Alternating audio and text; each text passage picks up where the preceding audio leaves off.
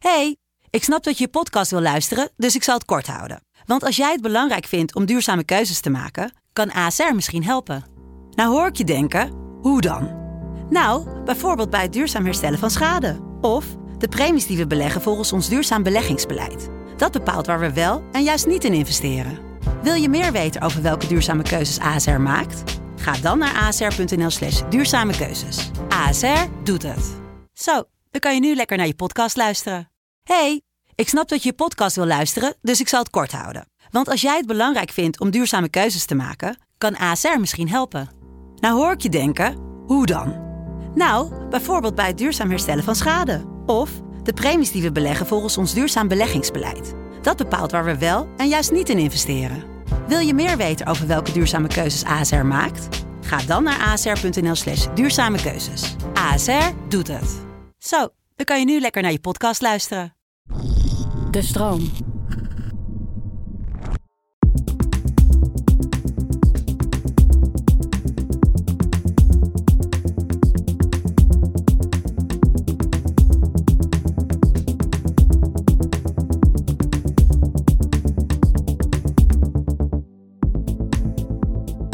Fijn dat je luistert naar de Podcast Psycholoog.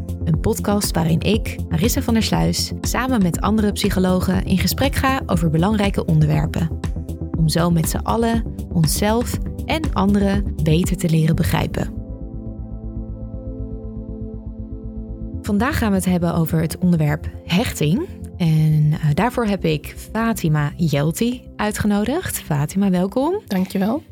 Fatima Jelti is psychotherapeut en relatietherapeut en daarnaast oprichter van Mind Rituals, een Instagram community waar ze online trainingen aanbiedt om meer bewustwording te creëren op het gebied van geestelijke gezondheid.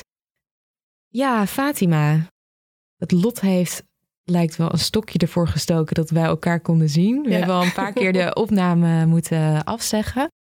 Maar je bent er eindelijk. Ja. Dus ik ben heel blij eh, dat je hier vandaag in de studio zit. Ja, ik vroeg me eigenlijk af wat er bij jou voor heeft gezorgd dat je je voornamelijk bent gaan specialiseren in de richting van relaties en hechting. Als ik er goed over nadenk, dan, dan ik, ik werk, eh, even voor de luisteraars, ik werk al 13 jaar in de psychiatrie, in de transculturele psychiatrie. Best wel heftige en eh, zware casussen. Mhm. En op een gegeven moment begin je een patroon te zien in, in de klachten van men- die mensen ontwikkelen. Hè? Dus je zit iemand in, met iemand in de kamer en dan probeer je toch af te onderzoeken, hé, waar komt dit vandaan? Ja. En op een gegeven moment realiseerde ik me dat heel veel komt toch uit vanuit de jeugd en de opvoeding. En ik vond het heel interessant om me daarin te verdiepen. En zo zie je eigenlijk maar weer dat wij heel erg ehm, eigenlijk ons niet bewust zijn Mhm. van de impact van de relatie met onze ouders Nee, op onze huidige leven Ja. en eigen relaties. Dus jij zag daar iets waarvan je dacht, ja, daar, moet, daar moet ik iets mee. Ik kan het niet laten liggen. Juist, juist. Ik heb me daarnaast ook gespecialiseerd in schematherapie. En dan zie je ook wel dat de kindmodus, dus eigenlijk de kleine ik, Mhm. dat die als je de wonden niet heelt vanuit de jeugd, dus hè, in de opvoeding, wat is daar allemaal gebeurd van 0 tot 7 jaar. Als je dat niet heelt, dan neem je in feite mee je kleine ik naar je volwassen leeftijd. En die ziet, je ziet eigenlijk de wereld vanuit de lens eh, van het verleden. Dat maakte dat ik me daarin ben gaan verdiepen en ook ehm, mensen in ben gaan helpen Mhm. om die bewustwording te creëren. En dat doe je nu volop. Ja, met Ja. jouw eigen Instagram-platform. Ehm, ja, ik heb het idee dat het onderwerp hechting, en we gaan er straks nog over praten wat hechting precies Ja. betekent, maar dat dat onderwerp steeds meer onder de aandacht komt en dat steeds meer mensen geïnteresseerd zijn in hechting en ook in hun eigen hè, patronen van hun jeugd en hoe dat invloed heeft op hun relaties. Zie jij dat ook? Ja, ik zie dat enorm, omdat ik ook een eigen eh, platform heb. En ik denk dat tegenwoordig je heel veel kan vinden online. En vooral op de social media, zoals Instagram of eh, Facebook. Mensen delen heel veel, ook coaches en psychologen. En volgens mij, als jij gewoon voorheen, een paar jaar geleden, wil je pas terecht bij een psycholoog. Of kocht je een boek als je Mhm. iets wilde weten. Dan ga je gericht iets zoeken. Je gaat gericht een onderwerp Ja, uitpluizen. uitpluizen. maar waar je nu eigenlijk gebombardeerd wordt met informatie. Dus het- je wordt er sneller bewust van. Dus Ja. op een gegeven moment lees je misschien over hechting Mhm. en relaties. Mhm. En je zit misschien net in een situatie waarvan je denkt: wacht eens even, ik herken mezelf hierin. Ja. Ehm, dus ik wil me hierin verdiepen. Dus ik denk dat het makkelijker is. En, eh, om ermee in aanraking te komen. juist. En hè, er is toch heel veel te vinden op internet. en eh, eh, daarom is het belangrijk om eens een keer alles op een rijtje te zetten. En daarvoor heb ik jou vandaag uitgenodigd. ja, leuk. Om wat meer ehm, ja, licht te schijnen op dit onderwerp. En laten we daarvoor eerst eens teruggaan naar de basis. Namelijk wat hechting eigenlijk precies is. Een goede vraag. Nou, hechting is in feite de band die wij creëren vanuit, vanaf onze geboorte met onze verzorgers. Ehm, de kwaliteit van de hechting bepaalt namelijk in hoeverre jij ontwikkelt.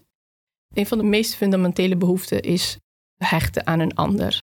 We zijn in feite afhankelijk van onze verzorgers voor onze overleving. Dus dat is een, daar is ook John Bowlby be- bekend om geworden, een Britse psychiater, eh, met een hechtingstheorie. Dus Mhm. in feite zijn alle mensen eigenlijk geprogrammeerd Mhm. om gelijk zich te hechten aan een primaire verzorger. Ja, dus eigenlijk is dat net zo'n belangrijke behoefte als kleine baby, als het eten, drinken, Ja. fysieke veiligheid. Juist.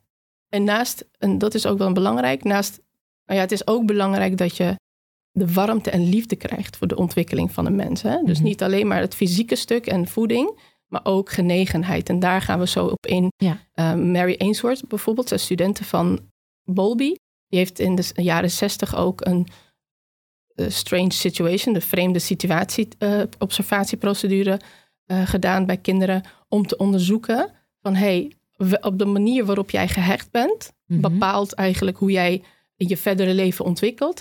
Ja, want het is zo dat ehm, ja, als verzorger doe je natuurlijk je best om een goede band met je kind op te bouwen, om er te zijn voor je kind, eh, die bescherming te bieden, de troost, de, die, die intimiteit te geven. Mhm. Maar ja, dat lukt natuurlijk niet altijd. Soms gaat dat, gaat dat heel erg mis en soms gaat dat een klein beetje mis. Juist. En Mary Ainsworth, die heeft proberen te onderzoeken van wat is nu de kwaliteit van de band tussen moeder en kind? En Ja. hoe, hoe ging dat eh, experiment? Kan je daar wat meer Nou, over dat is uitleggen? Een, ja, dat is in feite een observatie van een aantal minuten, waarin Mhm. als eerst de ouder met het kind in een ruimte komt, een onbekende ruimte, waarin het kind kan spelen, observeren, eh, exploreren. Mhm. Vervolgens komt er een vreemde persoon bij. Ja, vandaar de naam Eh, eh, ja, van het experiment. inderdaad. Ja. Vervolgens eh, loopt moeder weg en laat het kind achter met de vreemde persoon. ja, en dat is eh, eigenlijk natuurlijk in de natuur is dat nog heel eng voor ja, zo'n absoluut. klein kind. ja. Ehm, En je weet eigenlijk niet wat je te wachten staat. En op dat moment observeren eh, de onderzoekers van hey, hoe gedraagt het kind zich. Mhm. Vervolgens eh, komt moeder terug. En de reactie op moeder, wanneer moeder terugkomt na het verlaten stuk, Mhm. is eigenlijk in feite wat, eh, wat onderzocht wordt. En de reacties daarop, daar ga ik zo even op in. Maar vervolgens ehm, gaan moeder en de vreemde persoon weg Mhm. en komen weer terug. Ja. En het kind wat veilig is gehecht in de kamer, in de ruimte wanneer moeder nog aanwezig is met de vreemde persoon, durft te exploreren, durft eigenlijk de ruimte rond te gaan. Ehm, dan zie je in feite dat het gevoel is, ik ben veilig, ik kan deze ruimte nemen. Mhm. Wanneer moeder terugkomt eh, of weggaat, dan zie je dat het kind misschien wel eventjes van slag is, maar die vertrouwt er in feite op dat moeder terugkomt. En als ze terug is, zijn deze kinderen ook makkelijker te troosten. Dus het beeld van een veilige, een geïnternaliseerde ouder, hè, dus dat, dat gehechtheidssysteem. Ja. Ehm, zij weten gewoon, als mama weg is, komt ze vast wel terug. Want dat is hun patroon. Zij hebben dit zo over Ja, de jaren Ze hebben geleerd. dat geleerd. Die boodschappen hebben ze gekregen. De boodschap, ik ben veilig, Ja. ook al is mama even weg. Ja. Nou, dan heb je de angstige hechtingsstijl, waarbij je dan ziet dat het kind eigenlijk een beetje vastklampt aan moeder. Niet Als echt, probeert weg te gaan. nou, voordat ze weggaat. Dus dat, je, dat ze Ja. niet echt durven te exploreren. De Mhm. ruimte is er nog niet echt. Ehm, Want ze, ja, ze, zijn, ze voelen toch die angst dat, Juist, ze, dat juist. ze voorgoed weggaat. En bij angstige hechting, ik ga daar straks natuurlijk nog verder op in, is vooral die inconsistentie van de ouder. De ene keer ben je er wel, de andere keer ben je er niet. De ene keer zorg je wel voor mij, de andere keer zorg je niet voor mij. Die inconsistentie zorgt er eigenlijk voor dat het kind moeite heeft met ja, kan ik nu wel gaan of niet? Weet je wel, als ik even wegloop, dan gaat ze weg. Oh ja, Dus dat is die al- durft niet zo goed te gaan ontdekken in zijn eigen omgeving. Ja. Dus dat is in feite dat kind wat angstig is krijgt. En je ziet wanneer moeder terugkomt na dat stukje verlating. En Mhm. bij angstige hechting is het thema verlatingsangst. ehm, merk je dat het kind toch wel gefrustreerd is en boos is richting moeder. Ah ja, ja. Ja, dus dat, dat het verwijt en boosheid moeilijk troostbaar. Ja, dus het, kind blijft dan huilen. Ja. Maar meer op een, ja, een soort klagende manier, denk Ja, ik. en- niet, niet goed te troost, beetje bozig. Ja, boos. ja, boosheid en frustratie vaak. Hè? Oh, dus, ja. eh, ja, die inconsistentie is de reden dat een kind het moeilijk vindt om even afstand te houden. Mhm. Afstand te nemen bedoel ik, Ja. van moeder. Oké. Dan heb je het onveilig vermijdend gehecht. Bij deze groep kinderen zie je dat ze eigenlijk een beetje onverschillig lijken. Hè? De- die kijken niet echt naar moeder om, of ze Mhm. er nou is of niet. In feite is de kern van de, de vermijdende hechting. Ik moet op mezelf bouwen. Ik kan eigenlijk Mhm. niet rekenen op de ouder. Dus die, Nee, die hebben een boodschap gekregen van ja, ik eh, moet dit alleen doen. Mhm. Dus die gaan wel exploreren, maar die kijken ook niet echt om naar moeder. Die hebben dat dus in het verleden misschien wel een aantal keren geprobeerd. Precies. Maar zijn daar misschien tegen een dichte Deur, deur aangelopen. Precies, ja. ja, en Ja. eigenlijk is dat heel, heel triest. inderdaad. En ik heb ook wel eens gelezen dat bij die onfeilend vermijdende hechting, ehm, dat die kinderen eh, er van buiten dan uitzien alsof het ze niks doet, maar van binnen evenveel stress Ja. ervaren als de angstige. Ja, dat is ook een. Dat is de inderdaad eh, uit het onderzoek gebleken dat de kinderen leken onverschillig. Maar wanneer ze fysiologisch werden getest, Mhm. zag je een verhoogde hartslag en een stressrespons. Dus van de buitenkant zie je niet zoveel, maar van binnen gebeurt er heel veel. Ja, want ze hebben net zoveel behoefte aan die nabijheid als eh, ieder ander kind. Ja. Alleen hebben zij zichzelf moeten leren beschermen tegen pijn. Kijk, Mhm. kijk mezelf, als je een klein kind afwijst constant, Ja. je leert op een gegeven moment een coping. Je Mhm. past je aan. Op een gegeven moment, eh, nou, wij als volwassenen zelfs, als iemand een paar keer nee verkoopt, ga je ook Ja. niet eh, nog dan keer haak je vragen. af. Ja. Haak je af. Ja, en Of- leer je alleen maar op jezelf eh, Precies, en je, en je beschermt jezelf. Je, je sluit jezelf af. Ja. Dus die beschermingsmechanismen, eh, dat is hun coping uiteindelijk, is ik sluit me af van de buitenwereld. En ik heb een hele sterke boodschap van ik, van ik moet dit alleen doen. En wat mensen dan zich niet realiseren is, deze basis Mhm. van hechting neem je mee in je volwassen leeftijd. Ja, Dus Ja. in feite dient het ons niet meer, want we zijn geen kleine kinderen meer. Wij Nee. hoeven onszelf niet meer op die manier te beschermen. We zijn volwassen mensen die in staat zijn om voor onszelf te zorgen. Omdat we nog in dat patroon zitten van de jeugd, Mhm. ja, en onbewust daarvan zijn, dat is nog belangrijker om te weten. We zijn ons niet eens bewust. nee, van dit dan dat patroon dit, dat dit de blauwdruk is geweest Precies. van onze toekomstige relatie. Ja, En nog, nog even terug te komen naar die testen van eh, Mary Ainsworth. Ehm, ik onderbrak jou even door eh, Mhm. in te gaan op die eh, vermijdende gehechtheid. En die kinderen die, die, ja, die lijken dus onverschillig, of hun moeder nou wel of niet is. En als die moeder dan terug de kamer in komt, hoe reageren ze, ze over het algemeen? juist op die manier eh, onverschillig. Zij, zij hebben geleerd dat ze toch niet de, steu- de steun krijgen die ze nodig hebben. Ze zijn niet blij, ze huilen niet. Nou ja, ieder kind. Er is nog een disclaimer voor Ja. iedereen. Mhm. Het is hechtingstijlen zitten op een spectrum. Ja. Dus je kan van het minste eh, erg naar het eh, uiterste gaan. Mhm. Dus natuurlijk reageren kinderen eh, niet allemaal op dezelfde manier. En er zitten kinderen bij die natuurlijk misschien, die misschien vermijdend gehecht zijn, maar wel een beetje huilen of wel moeders, eh, troost zoeken bij de moeder.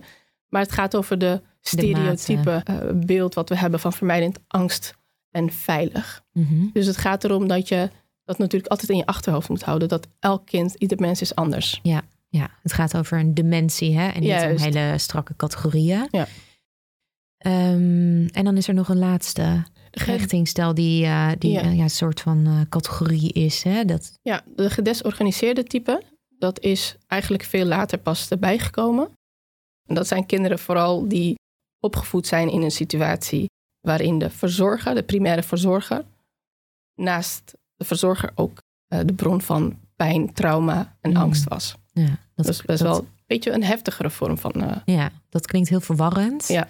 Dat is dan natuurlijk ook een hele verwarrende situatie geweest voor het kind. Want Ja. ja, je, je verzorger is dan die veilige plek, maar het doet je ook pijn. Dus je weet echt nooit wat je kan verwachten. is. En wat, eh, wel ja, wat voor reactie hebben kinderen die die stijl hebben over het algemeen richting eh, de verzorger? Nou ja, je ziet dat in, uh, de reactie van het kind heel verschillend is. De ouderfiguur is degene die ze verzorgt en tegelijkertijd ook de bron van, van angst en trauma. Merk je dat ze niet zo goed weten hoe ze moeten omgaan met deze situatie. Dus ze kunnen van heel erg uh, uh, boos zijn tot een lachen, zich afsluiten. Um, het thema verwarring is wel heel belangrijk bij deze type hechting. Ja, en dat zie je ook terug in het, in het gedrag. Juist. En ook later in relaties. Juist. Daar komen we straks op Daar terug. komen we inderdaad op terug. Um, ja, dus het is duidelijk dat hechting van levensbelang is. Net zoals uh, eten bijvoorbeeld. En dat je eigenlijk al op jonge leeftijd kunt zien hoe de band met een verzorger is. Mhm. En um, nou ja, Mary Ainsworth heeft daar een, uh, een onderscheid in gemaakt. Dat hebben we natuurlijk net uh, opgenoemd. Waarom is dat nog relevant na je kindertijd? Ik denk dat heel veel mensen zich niet bewust zijn van het feit dat de blauwdruk die gelegd is van 0 tot 7 jaar, vooral in, in jouw hechting en jouw relatie met je ouders en de opvoeding, nog steeds relevant is, omdat dit is gewoon hoe jij de wereld ziet. Mm -hmm. het heeft dit te is maken... de bril Juist. waarmee je naar de wereld kijkt. Naar je, naar en je naar anderen kijkt. vooral. Juist. Ja. Naar, naar je collega's, naar je vrienden. Mm -hmm. uh, hoe jij je voelt, hoe jij over jezelf denkt, jouw Mhm. zelfbeeld, zelfbewustzijn, uh, hoe je omgaat met conflicten, um, hoe je omgaat met grenzen stellen. Um, ja, dus het allerbelangrijkste toch wel je zelfwaarde uh, en zelfvertrouwen. Kijk, onze ouders, als het in het geval van dat de gezonde ouders zijn. En veilige hechting betekent niet dat je perfect bent afgestemd op alle momenten dat jij behoefte had of dat jij emotioneel hen nodig had. Het onderzoek is gebleken dat je ongeveer 60% van de tijd op jou werd afgestemd. Mm -hmm. En wat betekent dat, dat afstemmen? Afstemmen betekent, ik heb als kind iets nodig, mijn ouder ziet dat. Mm -hmm. Dus die is mentaal en uh, fysiek, emotioneel in staat om mijn behoeftes te voldoen. Ja, dus die is beschikbaar. Beschikbaar, die ziet betrouwbaar, ja. veilig. Die is niet gepreoccupeerd met eigen trauma of eigen mentale problemen of, of andere zaken die ervoor kunnen zorgen dat ze jou niet zien als, als klein kind. Dus in ze zijn in staat je te troosten wanneer Juist. je dat nodig hebt. Juist. Uh, naar je te luisteren als je iets wil vertellen. Um, ja, naar je te kijken als jij iets wil aanwijzen wat je leuk vindt. Precies. Geef je de ruimte om te spelen. Ja. Dus eigenlijk alle behoeften die je hebt als kind, daar wordt goed genoeg aan voldaan. Hè? je zegt niet het perfect. goed. Ja. Het is goed genoeg. Hè? Heel veel ouders en mezelf inclusief. Toen ik zelf mijn uh, opleiding deed als psychotherapeut, was ik uh, hoogzwangers van mijn tweede zoon. Ik dacht, oh mijn god, doen we Wat het allemaal? Ja, ja. Het, is, het, is, het, is, het, het, vraagt toch wel heel veel van jou. Ja. Hè? Ouderschap um, is hartstikke moeilijk. En ja, vooral van doe ik het goed? Hè? Vooral de moeders en de schuldgevoel van ben ik, voor, ben ik goed afgestemd op mijn kind? Maar het gaat erom dat het goed genoeg is, één. En ten tweede, allerbelangrijkste is het herstellen. Natuurlijk kunnen wij een keer een kind niet horen of zien. Ja. Of uh, dat het kind ergens tegenaan loopt en jij hebt dat gewoon niet door omdat je een slechte dag hebt. Of omdat je gewoon druk bent op het werk. Weet ik niet. Maar het gaat om het herstellen. Het herstellen is namelijk het wat helend is. Van hé hey joh, ik zag dat je verdrietig was. Sorry, had ik niet zo op moeten reageren. Laten we het even over hebben. Ja. Dat leert een kind dat we en niet perfect hoeven te zijn. Mm -hmm. Fouten mogen maken. Belangrijke boodschap ook. Juist. Ja, sowieso. Vooral in deze tijd. We hoeven niet perfect te zijn. We mogen fouten maken. En het is goed zoals je bent. Ja. Het is oké. Okay. En dat is denk ik het allerbelangrijkste. Daarmee creëer je zoveel veiligheid voor je kind. Ja. Dat, dat er dus een breuk mag ontstaan even. Of ja. Wat, ja, even een wrijving in een relatie. Maar dat het dus weer goed komt. Dat je het vertrouwen kan hebben van... hé, hey, met mijn mama of papa of... Juist. Ja, maakt niet uit, verzorger. Komt het wel weer goed. En, ook al zien we ook... Ook al word ik eventjes niet gezien of niet goed begrepen. Precies, en dat is namelijk... Dat zeg je heel mooi. Want dat is de blauwdruk. Mm -hmm. Dat is jouw blauwdruk in relaties. We hebben het vandaag over relaties in volwassen leeftijd. Hè? Mm -hmm. Dat betekent dat als mijn partner uit boosheid straks wegloopt, Mhm. dat ik niet in paniek denk: oké, okay, mijn partner verlaat mij. Maar dat je kan zeggen als veilig uh, gehechte persoon: van oké, okay, hij heeft gewoon zijn dag niet, hij komt zo Ja. weer terug. Je kan de context erbij Juist. betrekken. En je twijfelt niet meteen aan die relatie. Juist. Want daar heb je vertrouwen in dat, dat, uh, dat, Dat het het stevig genoeg is. Precies. En je zelfbeeld wordt gespiegeld door je ouders. Dus als jij als kind uh, constant, dan hebben we het over de vermijdende of de angstige hechting, constant wordt gespiegeld op een bepaalde manier. Bij angstige hechting is dat ja, ik heb geen tijd voor jou. Jij bent eigenlijk niet belangrijk genoeg. Want Mm. dat zijn de boodschappen die je aan jezelf geeft wanneer een ouder niet in staat is om jouw behoeftes te voldoen. Dus misschien, en nogmaals, het kan ook gewoon zijn dat je ouder ziek is of depressief of, ja, of dat zelf gewoon niet, daar niet toe in staat in is. staat is Nee. om jou te geven wat je nodig hebt. En als Ja. dit vaak genoeg gebeurt, en we hebben het nogmaals niet over perfectie, maar vaak genoeg Nee. inconsistent wordt gereageerd op jouw behoeften, dan creëer jij als kind een bepaalde boodschap. Ik ben niet goed genoeg, kennelijk, Mhm. om tijd voor vrij te maken. Ja, ik ben Ik niet de moeite waard. Precies, precies, ik ben niet de moeite waard. En bij vermijdende hechting is dat een andere boodschap. Dus Mhm. daarom is het zo belangrijk om te weten, hey, waar hoor ik bij? Waar pas ik bij? Ja. Je kan natuurlijk niet jezelf in een hokje plaatsen, zou ik ook niet doen. Maar vooral focussen op wat voor gedragingen herken ik. En wat kan ik daaraan doen en om dat veilig te maken. Maar daar komen we straks op terug. Ja. Bij de vermijdende hechting is dat meer een boodschap van... jij, eh, waar de angstige hechting inconsistent...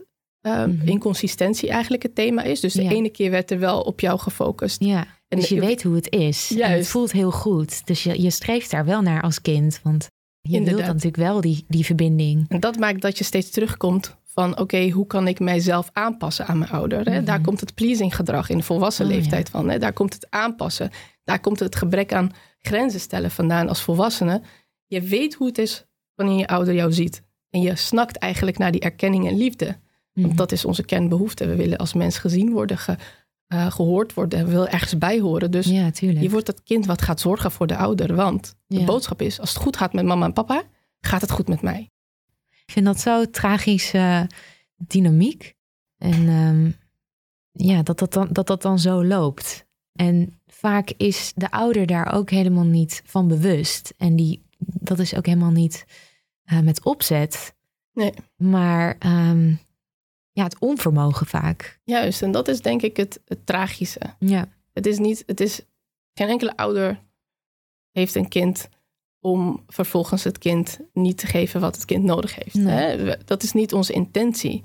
Maar door het leven zelf en in, het maatschappij, in de maatschappij waarin we nu leven, van alles moet heel snel en gelijk. Ja. En heel En veel gevraagd. heel veel gevraagd van een Ja. persoon. En je ziet, dat hoeft niet eens te zijn dat je als ouder eh, mentaal niet in staat bent. Maar het kan ook zijn dat je het gewoon super druk hebt. En dat twee ouders moeten werken. En dat kinderen gewoon tegenwoordig niet eens worden opgevoed door hun ouders. Hè? Mhm. Er zijn hele veel hele lange momenten op school. En daarna op een opvang en daarna naar bed. Dus er is geen connectie. Nee. Dus dat is ook heel belangrijk om mee te nemen. Eh, het is namelijk niet alleen maar een onvermogen. Het is Mhm. ook, we worden opgeslokt Ja. door een maatschappij. En we zijn ons niet bewust van. Nee, wat dat voor effect kan hebben Juist. op onze kinderen. Eh, en dan, ja, want die, eh, hoe komt dan die vermijdende gehechtheid Ja. eh, tot stand? Met wat voor soort eh, boodschappen hebben die kinderen dan gekregen? Ja, dus waar we bij angstige hechtingsstijl vooral de boodschap is: ik eh, moet constant alert zijn. Ehm, dat- die kinderen kunnen ook niet vrij spelen. Die staan Nee. constant aan. Hun zenuwstelsel staat altijd op de fight and flight. Ehm, ik moet opletten en scannen van mijn omgeving. Want als mijn moeder of vader niet goed gaat, dan moet ik iets doen. Dan anders ben ik in gevaar. Je bent Ja, Eigenlijk- het oplossen of ik moet heel erg mijn best doen. Juist, wat jij eigenlijk in het begin zei, van ik ben afhankelijk van, mijn leven is afhankelijk van hoe mijn ouder voor mij zorgt. En Dus- naar mij kijkt. Precies, Ja. en die zijn dus niet in staat om zich te ontspannen. Dus ook de ontwikkeling daar, eh, daar gebeurt iets in. ja. Die stagneert ook. eh, Precies. Ja. Dat is de angstige hechting. Die zijn constant alert, op zoek naar wat kan ik doen? Hoe kan ik mij aanpassen dat mijn ouder goed gaat, zodat zij mij kunnen geven wat ik nodig heb. Dus de zelfwaarde is constant vanuit de ouder. ja, afhankelijk van de ander. Precies wie ik ben, hoe ik mijzelf zie, is wanneer papa en mama blij zijn met mij. Dus Mhm. ik doe iets voor hen. Dan heb je de vermijdende hechting. En daar zit het, waar de angstige hechting toch wel een beetje connectie heeft gehad. Dus die weten hoe het voelt en daar altijd op zoek naar zijn. Bij de vermijdende hechting is dat dus vaak niet het geval geweest. Die zijn vaak niet in hun behoeftes voorzien. En dit kan te maken hebben met een hele prestatiegericht gezin. Hè? Dus Mhm. je ziet dat eh, vooral gericht is op, eh, eh, je ziet dat in gezinnen waar vooral er wordt gefocust op resultaten, ehm, hoge prestaties behalen in sporten. Of een ouder die gewoon niet in staat is om de emotionele connectie te hebben met het Mhm. kind. Misschien omdat hij het zelf ook niet heeft geleerd Precies. vroeger. Precies. Dat Ja. transgenerationeel is dat overgedragen. En daarom is het zo belangrijk om je nu bewust daarvan te zijn. Want Ja, jij kan ervoor zorgen dat het stoppen. kan stoppen. Ja. Inderdaad. Dus deze ouder die heeft het niet in huis gehad om een emotionele connectie te maken met het Mhm. kind. Terwijl het kind natuurlijk dat wel, daar wel behoefte aan had. En daardoor is het kind zich op een gegeven moment gaan terugtrekken en dat ook niet meer gaan vragen. Die is daar ook niet meer naar op zoek. En is zich een beetje daarvoor gaan afsluiten. Juist, dat is inderdaad en goed wat is dan de, de boodschap die dat vermijdende kind, eh, om het maar zo even te noemen, heeft onthouden? De boodschap is, ik kan er niet op vertrouwen dat een ander voor mij zorgt. Ik moet het allemaal zelf doen. Ik moet voor mezelf zorgen. Juist, dat, en die kinderen leren al heel vroeg eh, op zichzelf te rekenen. En dat is nogmaals wat ik zei, het is een beschermingsmechanisme. Je hebt zoveel pijn, en Ja. het is best wel triest. Je hebt heel veel behoeftes, maar je wordt niet gezien. En in feite is dat kleine kind ehm, in pijn. Ja. En ik moet dus iets doen om dit niet meer te voelen. Ik Ja. onderdruk de emoties. Het is een noodgreep. Juist, Ja, en op lange termijn precies. kan dat jou gaan tegenwerken. Juist, en dat is nogmaals een van de redenen dat ik mensen hier bewust van maak. Omdat je als vermijdende persoon, als volwassene, niet meer wordt gezien als een klein kind. Als een klein kind kun je daar nog emotioneel van raken en ben je nog heel erg, ehm eh, voel je die empathie. Ja, Maar als volwassen compassie voor persoon- Ja, En nogmaals, vrouw en man kunnen vermijdende hechtingstijl hebben. Dan kun je die compassie niet meer opbrengen, omdat Nee. je alleen maar ziet dat iemand afgesloten is, jou negeert, niet met jou bezig is, alleen met zichzelf, eh, zijn eigen hobby's, werk op prioriteit, eh, eh, een prioriteit is. Dus dan kan je die compassie niet meer opbrengen en denk je, deze persoon is gewoon egoïstisch. Of je bent gewoon sociaal niet eh, ontwikkeld. Jij Ja. praat niet over je nee, emoties. je bent niet bereikbaar. En bij die angstige gehechtheid, dat wordt het denk ik ook niet echt geaccepteerd in de volwassenheid. Want dan kan je dat weer gaan zien als aanklampend of te behoeftig. Eh, maar daar hebben we het straks eh, over. Terwijl Ja. voor, voor een kind is dat normaal. Ja. Ehm, Die, de, de, de behoeftige klampen aan mama en papa, dat, dat wordt dan nog wel getolereerd. Ja. Omdat dat misschien ook wel kindgedrag is. Maar in feite, als volwassene, heb je minder last van de angstige hechtingsstijl. Mm. Omdat die heel pleasant zijn. Die zijn constant gefocust op jou. oh ja, ja. En Ja, als die iemand- worden juist verwelkomd in een Ja, die relatie. zijn altijd van, wat heb jij nodig? Wat wil jij? Waar wil je gaan eten? Nee, wat, wat vind jij leuk? Wat, waar heb jij zin in? Dus die zijn constant op jou, met jou bezig. Natuurlijk kan het op een gegeven moment ook vervelend zijn. Maar daar heb je minder last van dan iemand die zich constant afsluit. En eigenlijk niet zijn binnenwereld laat zien. Nee, want nu we het daar toch over hebben, hoe sturen deze hechtingstijlen ons in het latere leven? Heel erg. Ik denk dat dat... Natuurlijk zijn er ook andere factoren die een rol spelen. Maar ehm, in feite, als jij als angstige hechtings... Laten we daarmee beginnen. Als angstige hechtingstijl een eh, relatie aangaat... Dan heeft dat impact Ja. op jouw relatie. Jouw Ja. gedrag heeft impact op jouw relatie. Ja, En je laat een bepaald patroon zien aan gedragingen, waarvan je jezelf waarschijnlijk niet eens bewust bent. Wat je net ook zei, dat je heel erg bezig bent met de behoeften van iemand anders. Je bent de hele tijd op de achtergrond aan het kijken hoe je dingen beter kunt maken voor de ander, maar ook aan het scannen van, oh jee, doe ik alles nog goed? Doe ik alles nog goed? Gaat het nog goed met mijn partner? Ja. Want terug, teruggrijpend op de jeugd, als het niet goed ging met de ouder, ging het ook niet goed met jou. Mhm. Dus vandaar dat deze mensen heel erg gefocust zijn op partner en pleasen. En kijk, ehm, als ik dit maar voor de partner doe, hè, zichzelf verwaarlozend, om maar de partner ehm, gerust te stellen of het gevoel te geven dat ze gezien zijn. Omdat ze zoveel pijn hebben gekend van en weten hoe wat het gemis is, vinden ze het moeilijk om andere mensen pijn te doen door grenzen te stellen of Mhm. voor zichzelf te kiezen. Probleem is, als je dit vaak genoeg doet, kom je op een gegeven moment jezelf tegen. Dan zit je straks in een burn-out. Ja. Of ehm, je hebt jezelf zo verwaarloosd dat eigenlijk niemand om jou geeft. Niemand is bezig met jou omdat je nooit ruimte hebt gegeven voor de ander om Mhm. voor jou te zorgen. Want je weet niet hoe dat is. Nee, je, we- je weet niet wat je nodig hebt en je hebt het al helemaal, maar helemaal nog nooit aangegeven. Precies. Eh, het lijkt me ook moeilijk voor de volwassen mensen met een ehm, angstige gehechtheid om ook een keer kritiek te krijgen. Want je bent natuurlijk zo gefocust op het, ja, op het voorkomen van kritiek of voorkomen van iets doen wat niet goed wordt gevonden door de ander, dat dat ook heel hard binnenkomt. Juist. Maar het is onvermijdelijk. Dit is die self-fulfilling prophecy. Je bent zo bezig en gefocust op een ander.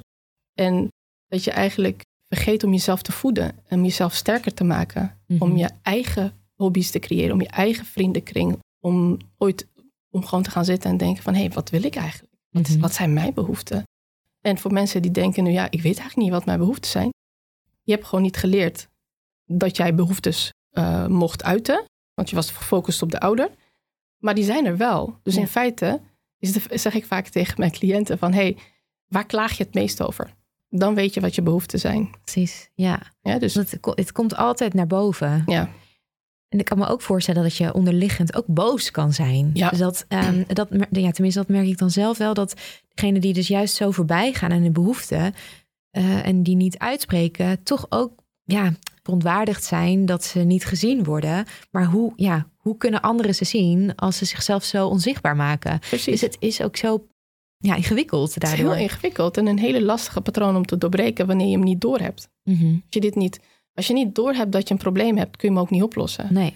En het probleem van de angstige hechtingstijl is dat ze extern gefocust zijn. Dus eigenlijk nooit naar binnen kijken, maar vooral jij, jij doet dit niet voor mij. En, die, en, en ook een thema voor de angstige hechtingstijl is die boosheid en frustratie. Mm -hmm. Wat jij precies wat je zegt, je, gaat, je geeft zoveel. En je hoopt eigenlijk op die liefde. Je hoopt op die momenten dat je wel gezien wordt. Het is ook bijna niet te doen voor de partner om dat allemaal terug te geven. Juist. Want het is zoveel en er gebeurt zoveel op de achtergrond. Ja. Dat je ook als partner niet doorhebt dat je ja, ook op tenen staat en, en aan iemands behoefte voorbij gaat. Dus het is voor die partner ook heel lastig om Precies. En ja, te je- geven wat, wat de uh, angstige partner nodig heeft. En daar zeg je iets heel belangrijks. Nou, het is ook niet aan de partner om jouw behoeftes te voorzien. Dat Mm. is namelijk aan jou. Ja. Alleen weet je dat nog niet en weet je ook niet hoe je dat moet doen. En bij angstig is het vaak de te overal, te veel delen, Mhm. te, veel, te, te snel heel veel connectie willen met anderen. Ehm, en zo gefocust zijn dat één persoon, en dat is vaak de partner, en daarom eh, vooral als de partner een vermijdende hechtingsstijl hebt, is dat vaak een, een, eh, een, een conflict. Eh, die onttrekt zich uit contact omdat het te overweldigend is. ja, Die ja. denkt van ik had altijd voor mezelf moeten zorgen. Nu moet ik ook nog eens voor jouw behoeften zorgen. Ik weet niet eens hoe ik mezelf moet eh, dragen hierin. Hè? Dus voor de angstige hechtingstijl is het Ja. heel belangrijk dat ze bewust worden van hun behoeftes. Mhm. Dat ze bewust worden van hun verhaal. En een van de belangrijkste dingen die ik meegeef is wees je bewust van het verhaal dat jij hebt gecreëerd vanuit je jeugd, dus jouw blauwdruk, dat deze constant terugkomt in je huidige relatie. Dus als je partner iets doet, wat is het verhaal dat ik mezelf vertel over zijn gedrag? Heeft vaak niet met jou te maken, maar omdat je zo bang bent om niet goed genoeg te zijn of om verlaten te worden, ben je constant bezig met het gedrag eh, vanuit die lens bekijken, Ja. vanuit dat optiek bekijken. En daardoor kan je ook eh, snel teleurgesteld raken in Ja. de ander. Dus die, die eerst probeer heel erg de, de erkenning te krijgen. En als dat dan op een gegeven moment niet lukt, ehm, of niet snel genoeg lukt, dat je Juist. ja, daardoor ook weer kan afhaken. Nou, de angstige hechting is eh, vaak niet degene die afhaakt. Mm. die, die, die, die zijn diehards daarin. Die blijven doorgaan tot eh, aan het eind. Ehm, omdat ze zo bang zijn om verlaten te worden, blijven ze geven ten Ja. koste van zichzelf. Degenen die vaker of sneller afhaken, zijn vaak de vermijdende hechten, hechtingstijl. Mensen die zich daarin herkennen, en vooral in deze, deze context angstvermijdend, ehm, dat zie ik heel veel terug. Ja, in die, mijn die zoeken elkaar op een of andere manier vaak op, hè, omdat Ja. het comple- complementeert aan elkaar. Ja, het- die vraag krijg ik ook heel vaak van, hé, hey, maar hoe komt het dat ik toch steeds dezelfde type persoon aantrek? Kijk, Precies. Wat ja. jij, jou, dat is ook een reden waarom je moet gaan verdiepen in dit soort onderwerpen Ja. en hechtingstijlen. Omdat je aantrekt wat je kent. Ja, Wat je en kent, niet per se wat je nodig hebt. precies. En wat jij kent is niet per se gezond, maar het voelt wel veilig. Het voelt Mhm. als thuiskomen, omdat dat jouw definitie is van liefde geven. Voor angstige hechting is het ontvangen van liefde in feite dat zij alles voor de ander doen. Dat is hun definitie op basis van hun blauwdruk. Ja, dan En- zijn ze aangekomen bij waar ze willen zijn. Precies. Terwijl, ja, dat is natuurlijk niet. Die, die- dan mis je juist de wederkerigheid. Dus Ja. zo kan het niet langer doorgaan. Nee. Ja, dus, dus dat is dan het probleem. En door dat te erkennen, kom je al een heel eind. En Ja. te erkennen dat je misschien op zoek gaat naar het herhalen van patronen in je jeugd. In Ja. plaats van naar iets wat je nodig hebt om verder te kunnen ontwikkelen. En dan even naar de vermijdende hechtingstijl. Ja. Ja, hoe komt dat in romantische relaties of andere relaties eh, dan Ja. voornamelijk tot uiting? Nou, de vermijdende hechtingstijl zie je dat zij aan de buitenkant best wel goed voor elkaar hebben. Dat zijn mensen die vaak wel prestatiegericht zijn, carrièregericht zijn, duidelijk eh, sociaal netwerk, hoge functies hebben, goed functioneren aan Ja. de buitenkant. Ja, Maar van binnen is de verwarring best wel groot.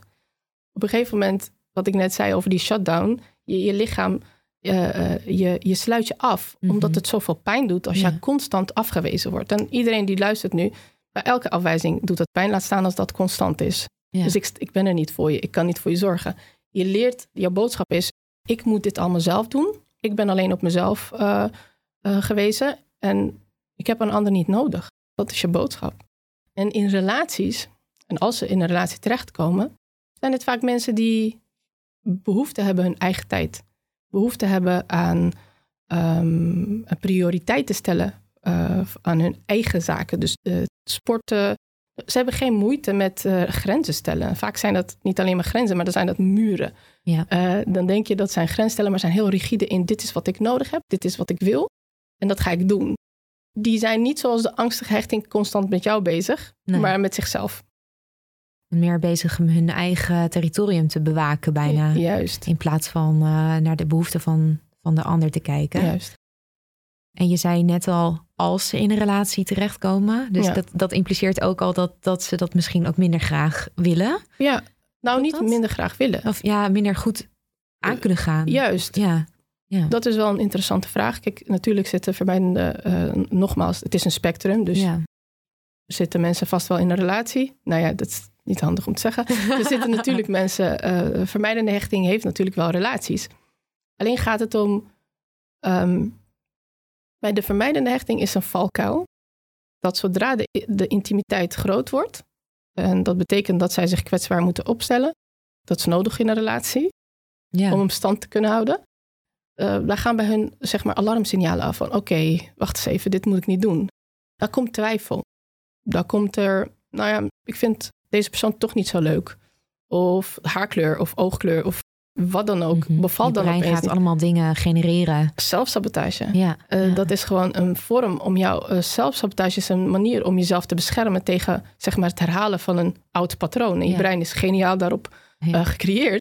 Oké, dit, ongelooflijk, hè? juist. Dit is weer een situatie vanuit mijn jeugd. Misschien word ik straks. Ja. ja. inderdaad. Dus dit dan, wil ik niet nog een keer Dit wil je niet nog een keer. Deze, deze muur die ik bij mijn ouders heb ervaren. En ik was gewoon prima alleen. Ja. Dus dan hebben ze wel kortstondige relaties. En Maar zodra- het dus eh, meer intiem wordt en je meer van jezelf moet laten zien of je meer van de ander te zien krijgt, hè, want daar gaat het natuurlijk ook om dat je ontvankelijk bent voor de ander, Ja.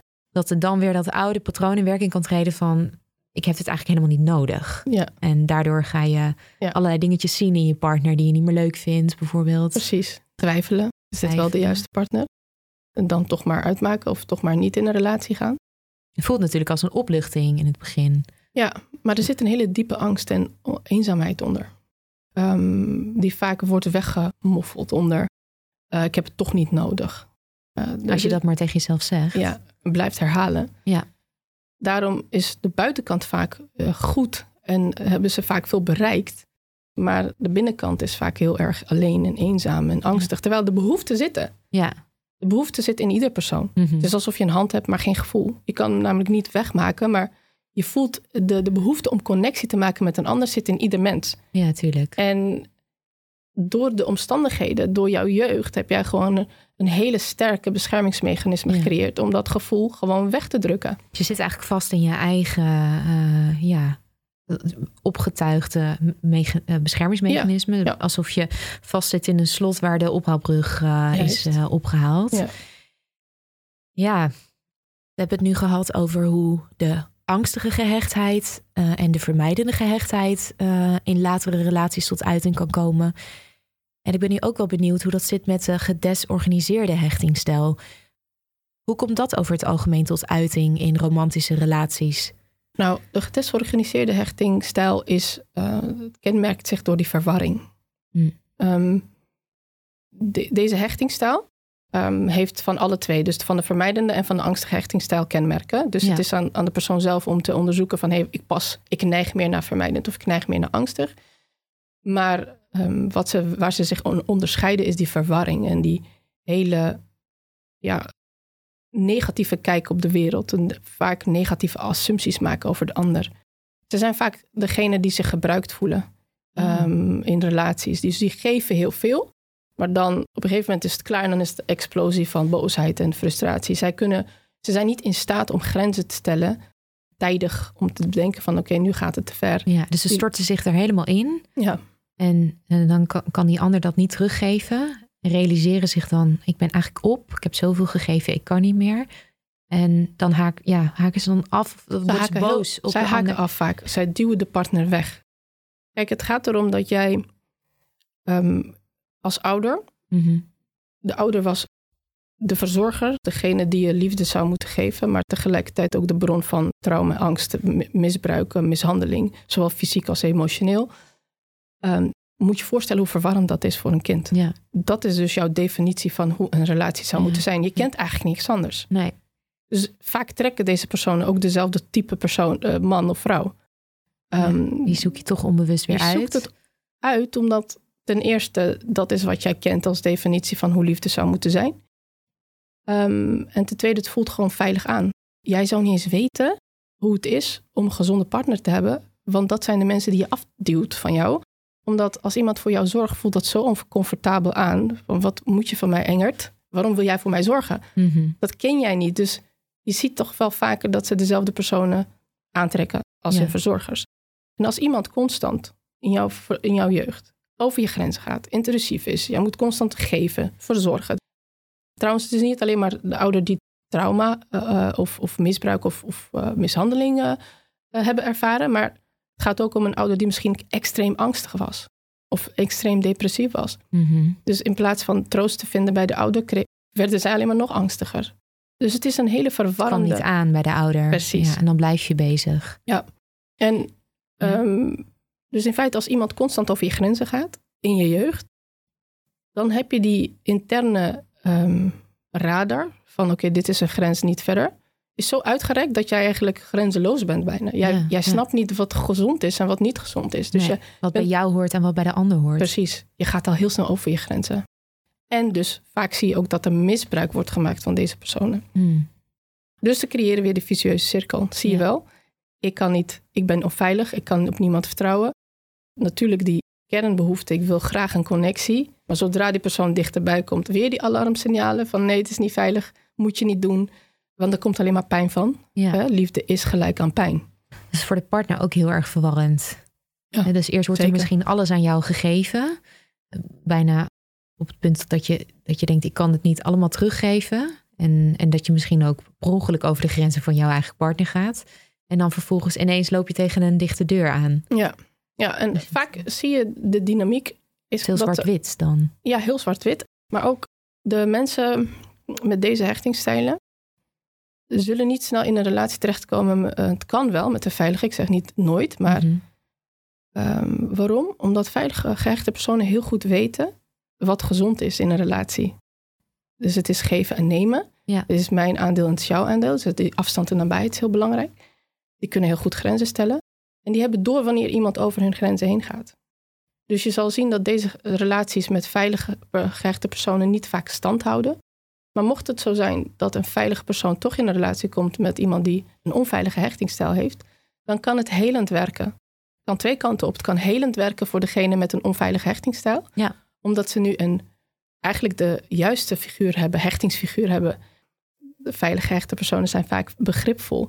Die, die, die kunnen jou eigenlijk, die zien jou. Mhm. Die horen jou. Die Ja, kunnen jouw behoeftes jou ook, eh, accepteren jou. En dat is heel belangrijk. Dus het kan helend zijn voor degene die onveilig is gehecht.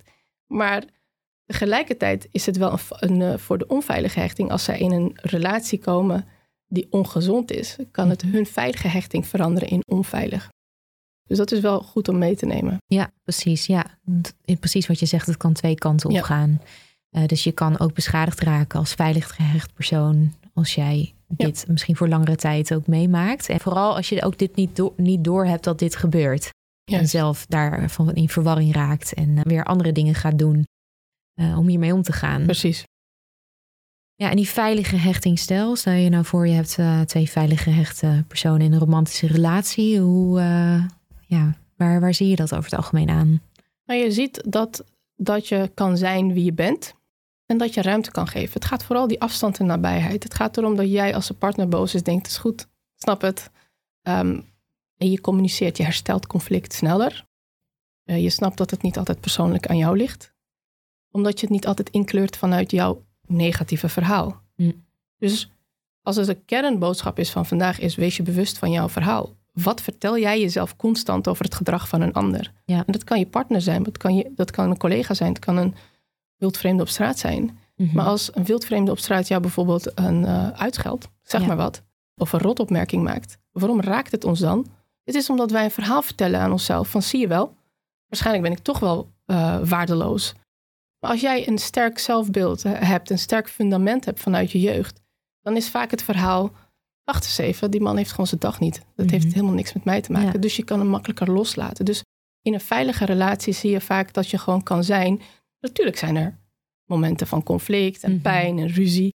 Maar het herstelt, het, het communiceren helder en duidelijk over wat er aan de hand is. Mm -hmm. uh, snappen kan dat samen uitpluizen en zien dat het niet per se over de relatie gaat, maar ja, dat je je kan begrip voor elkaar opbrengen. Precies. En dan samen tot een conclusie komen. En, en goed, goed maken en weer door. En weer doorgaan. Dus niet blijven hangen in het, in het ik heb niet gekregen. Of ik heb niet genoeg van jou. Die hoge verwachtingen bijvoorbeeld. Dus mm. bij, in een veilige relatie zijn er absoluut verwachtingen. Ik denk dat we allemaal verwachtingen hebben. Maar niet te hoog.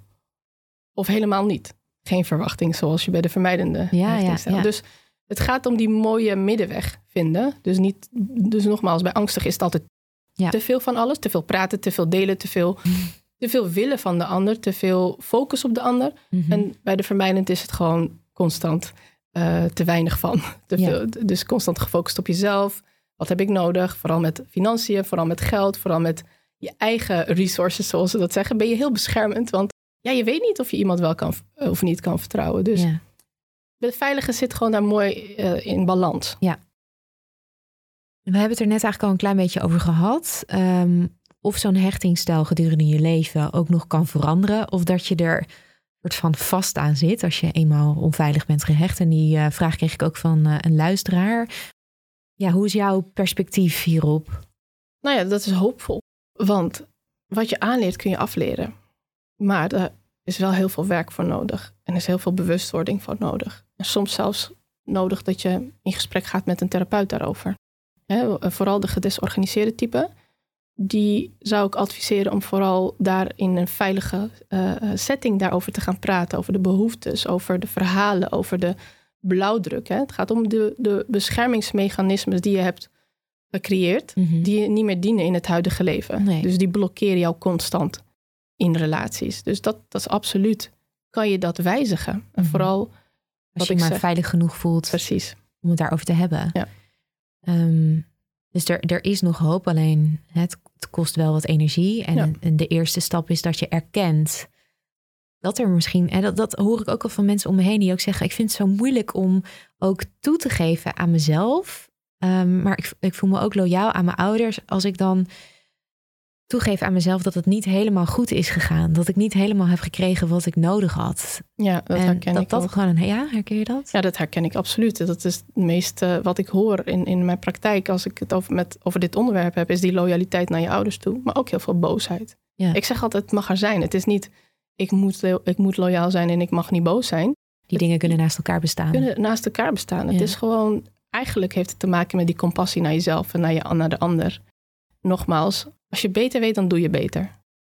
Als je ervan uitgaat dat dit allemaal niet doelbewust is. Ik zeg nogmaals, niemand heeft kinderen om ze pijn te doen of om ze te mm. verwaarlozen. Er is geen schuldvraag hier. Juist, en het is een, een, een onmacht. Het is vaak, um, dat zijn vaak ouders die niet in staat zijn om verder te kijken dan zichzelf. Die zitten vast in hun eigen trauma's, die zitten vast in hun eigen pijn.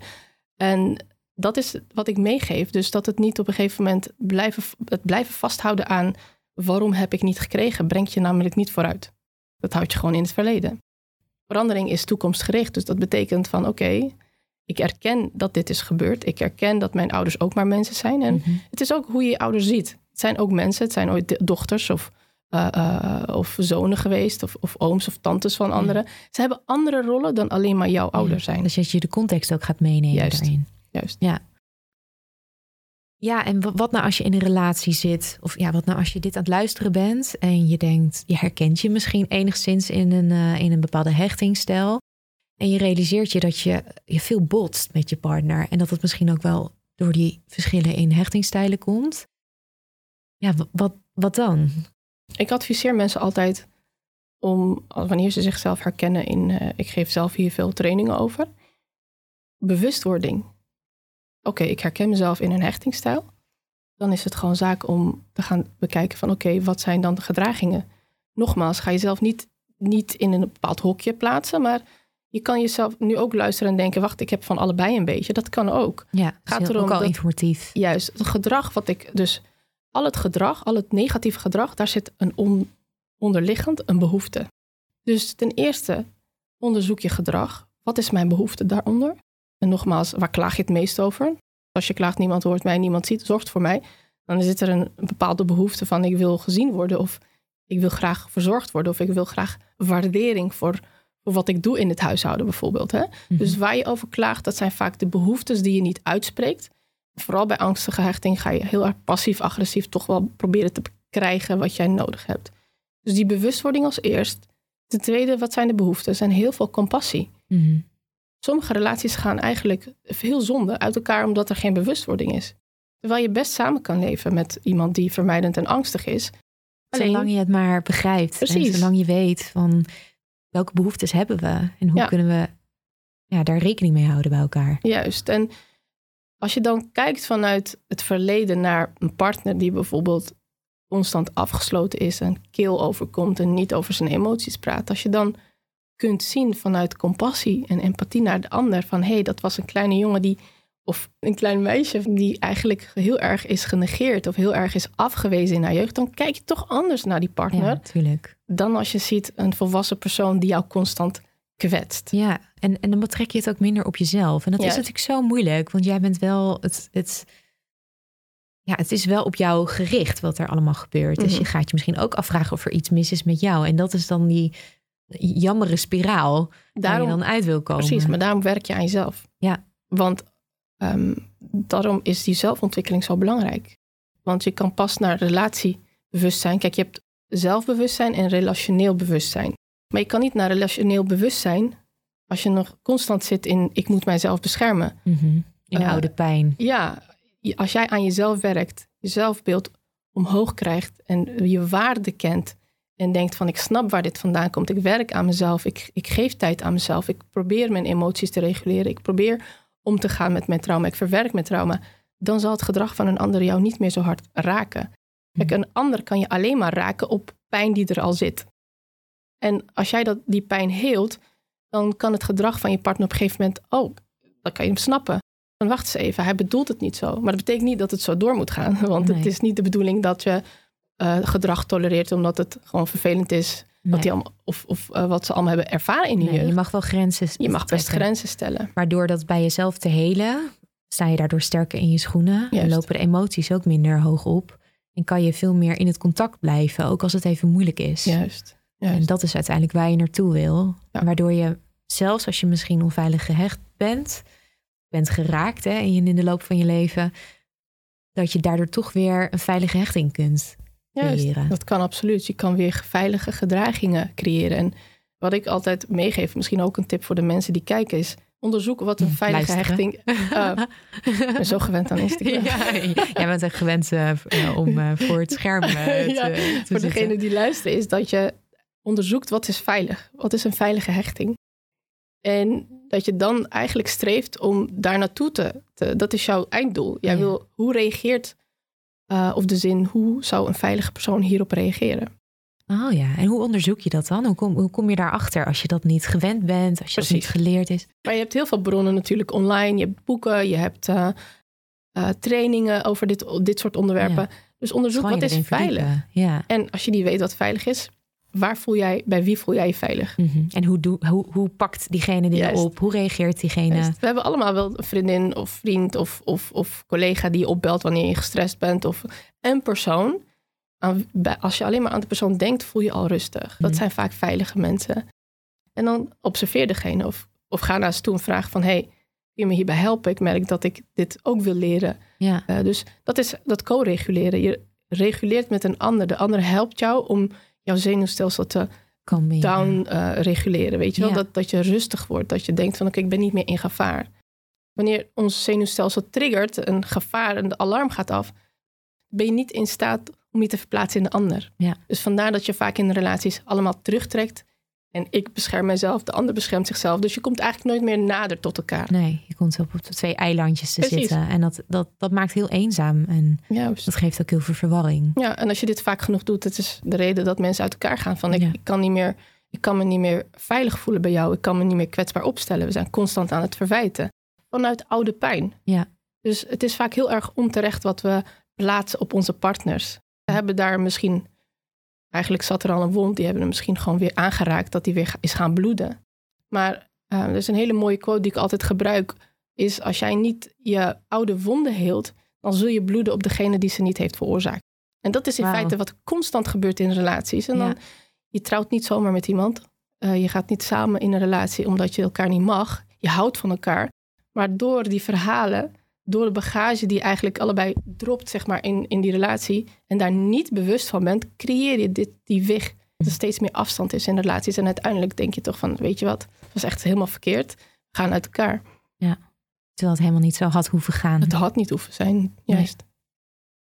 Ja, dus wanneer mensen bij jou komen met die hulpvraag van hoe kom ik uit deze onveilige uh, gehechtheid en hoe kan ik meer richting de veilige kant op bewegen, dan geef je over het algemeen je drie pijlers aan hè, om, om zichzelf te kunnen helen hierin. Ja. Wat ik mensen meegeef is uh, wat ik net al benoemde, hè, de bewustwording, je kernbehoeftes uiten, uh, maar ook, um, daar is ook een hele mooie documentaire van Brené Brown op in Netflix. Oh, ja. Um, The Call to Courage. Mm -hmm. Dan kan je eigenlijk een beetje, wat ik nu vertel over het verhaal, dat ze heel mooi en uh, hoe haar verhaal eigenlijk de overhand nam. Toen ze even met haar man een keer uh, een uitje had. En dan zie je hoeveel impact jouw wereldbeeld, jouw, de, de, manier waarop jij de wereld ziet en de manier waarop jouw verleden eigenlijk weer zich uh, in het heden nou, tevoorschijn komt, wanneer je even niet lekker in je vel bent. Hoeveel impact dat heeft op je relatie. Dus in hoeverre is het verhaal dat jij jezelf vertelt over wat dan ook vandaag 100% waar? Dat is, dat is een hele belangrijke vraag. Bij, ik, bij alles wat ik doe, vooral wanneer ik getriggerd ben, is het, klopt dit wel? Is dit van mij of is dit van jou? dus hoe meer je dat doorhebt, hoe gezonder je relatie is. Want dan hoef je niet constant te externaliseren en de ander de schuld te geven van jouw ja, somberheid of van jouw verdriet. Nee, maar ik ben verantwoordelijk voor mezelf. En mensen nemen niet meer hun verantwoordelijkheid, omdat het makkelijker is om een ander de schuld te geven van je pijn. Maar waarom laat jij toe? Ja. Dat, daar zit ook een bepaalde verantwoordelijkheid in. Dus door deze stappen te zetten, zou je daarin ook meer verantwoordelijkheid kunnen nemen. Juist, ja. Ja, tot slot wil ik het ook nog even hebben over uh, mensen die niet in een relatie zitten. Want het lijkt wel alsof we uh, bijna een uur hebben zitten praten over mensen binnen een relatie. Maar er zijn natuurlijk ook mensen, genoeg Ja. mensen die single zijn. Mhm. En dan uh, ja, speelt die hechtingsstijl natuurlijk ook mee in degene die je uitkiest. Dus hoe, hoe kan je daar het beste rekening mee houden, zodat je ja, misschien Ja. ook thuiskomt met een partner die bij je past? Maar ook natuurlijk, waarom ben je nog single? Dat, zou, dat Nou heeft ook wel impact op. Ja, op, tuurlijk. Het is dat- ook iets om over na te is denken. ook iets om over na te denken. Hè? Dus het feit dat je nog geen partner hebt, is een, kan ook te maken hebben met je hechtingsstijl. Kijk, soms saboteren we onszelf omdat we gewoon bang zijn om die oude patronen te herhalen van pijn. En we beschermen onszelf. Nou, daar hebben we het ook over gehad. Maar wees je bewust, als je, angstig, als je jezelf herkent in angstige hechtingsstijl, dan dat je in een relatie best wel overweldigend kan overkomen. Je wil heel snel, heel snel. Wil snel alles. Je wil de volledige overgave van de ander. Ja, en dat die zijn is er ook misschien niet altijd klaar voor. Precies. En vooral niet als die ook eh, vermijdend is gehecht. Hè? Dus dan merk ik vaak dat mensen heel snel alle trauma's gaan delen. En eh, bij het eerste contact al heel veel over zichzelf vertellen. Maar ook niet bewust zijn van hoe de ander daarop reageert. Mhm. Omdat ze zo bezig zijn met zichzelf. En de angst dat ze niet goed genoeg zijn. Of dat de ander ze niet gaan, gaat kiezen. En dat is nou precies het thema voor angstige hechting. Van ik wil gekozen worden. Ik doe alles voor de ander om maar gekozen te worden. Constant weer die high van ik ben Ja. het wel waard. En daardoor vergeet je ook te kijken of jij die ander eigenlijk wel leuk vindt. Juist. Vaak, vaak inderdaad. Dat is een hele goeie. Want vaak zie je niet eens meer het gedrag van de ander. Die kan heel veel mooie prijzen hebben, maar gedrag uh, dat blijft achterwege. Maar Ja. dan heb je dat gewoon niet door. Je bent constant met jezelf bezig. De angst dat jij wordt verlaten. Dus dat kan een vorm zijn van hoe jij in rela- relaties jezelf kan saboteren. Mhm. Dus dat, je, dat een ander eigenlijk denkt van wacht eens even hier, dit is te veel voor mij. ja. Ik hoef dit allemaal nog niet te weten. Dus dat je, ja, die self-fulfilling prophecy. Ik wil heel graag, maar uiteindelijk creëer je, eh, creëer je de situatie waarop de ander toch weer jou eh, ja, in de steek laat. Dus dat kan een patroon zijn. Dat jij daar vol voor gaat iedere keer. En dat die ander daar een beetje van afschrikt en juist weer bij je wegloopt. Precies. Mhm. Dan heb je de vermijdende hechting. Daar zie je toch wel dat het, waar we bij angstig vooral zitten op verlatingsangst, zitten we bij de hechting, eh, bij de vermijdende hechtingstijl vooral toch op bindingsangst. Die, die zijn toch wel een beetje afstandelijk. Ehm, ja, je kan niet zeggen ik heb geen partner omdat er geen juiste partner is, maar wat, wat is jouw aandeel? Ehm, wat doe jij in het contact? En misschien saboteer je wel een hele gezonde relatie omdat die heel dichtbij komt en jij denkt van hé, hey, dit wil ik niet. Ehm, ik, eh, ik ga toch twijfelen of eh, het, het, heeft te veel, ris- neemt te veel risico's met zich mee. Hè? Je kwetsbaar opstellen, als je daar niet bewust van bent, dat je weer open moet stellen voor iemand die iets van jou kan vinden, of bij wie je iets moet vragen of halen, je behoeftes.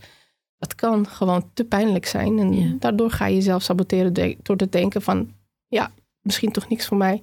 En misschien is het dan goed om juist eens een keer het tegenovergestelde te doen als wat je altijd al deed. Want dan krijg je ook hetzelfde. Ja, Ehm, dus om toch eens te proberen om je wel in een vroeger stadium open Ja. te stellen. en heel bewust te zijn van je gedrag. Ja.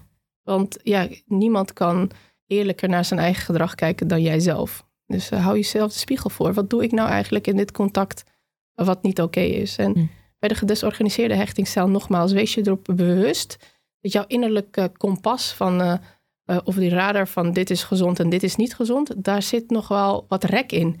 Dus je kan neigen tot iemand aantrekken die juist niet gezond is voor jou, Hm. maar heel veilig aanvoelt. Dus dat zie je vaak in die traumabinding. Hè? Dat je iemand loyaal aan iemand bent die destructief gedrag vertoont, dus die manipuleert, die eigenlijk heel ongezond is. Om, maar dit is ook tegelijkertijd wat jij hebt gekend vanuit je, vanuit je jeugd. Dus je ziet eigenlijk niet meer in wat is gezond en wat is ongezond. Dus dat is heel belangrijk om aan jezelf te werken voordat je in een relatie stapt überhaupt. Ja.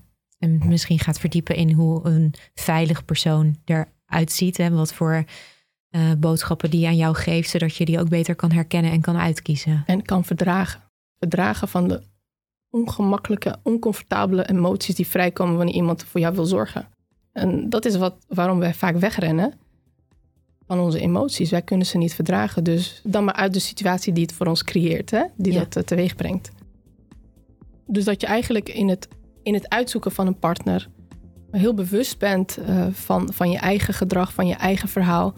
En je kan natuurlijk ook vragen stellen, want de vragen die jij jezelf stelt en die wij nu hebben besproken, Mhm. kun je natuurlijk ook aan je partner eh, stellen. Van hey, hoe ga je om met conflict? Hoe ga je om met grenzen stellen? Ah. Hoe was je jeugd? En eh, ja, dat zijn allemaal dingen die ik mag vragen. Ja, tuurlijk. We zijn aan het einde gekomen van deze podcast over hechting. Ik hoop dat we. Nou ja, ik weet wel zeker dat vooral jij eh, groot licht hebt geschenen op dit onderwerp. Ik dacht eh, op een gegeven moment dat het er niet meer van zou komen, deze opname. Maar ik ben super blij dat, je, dat het is gelukt. Nou, ik ook. Ik vond het heel leuk om hier te zijn.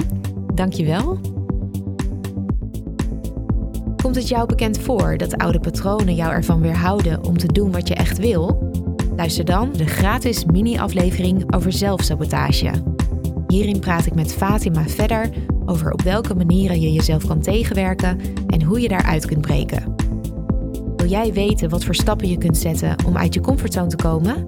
Ga dan naar de podcastpsycholoogclub.nl en word lid.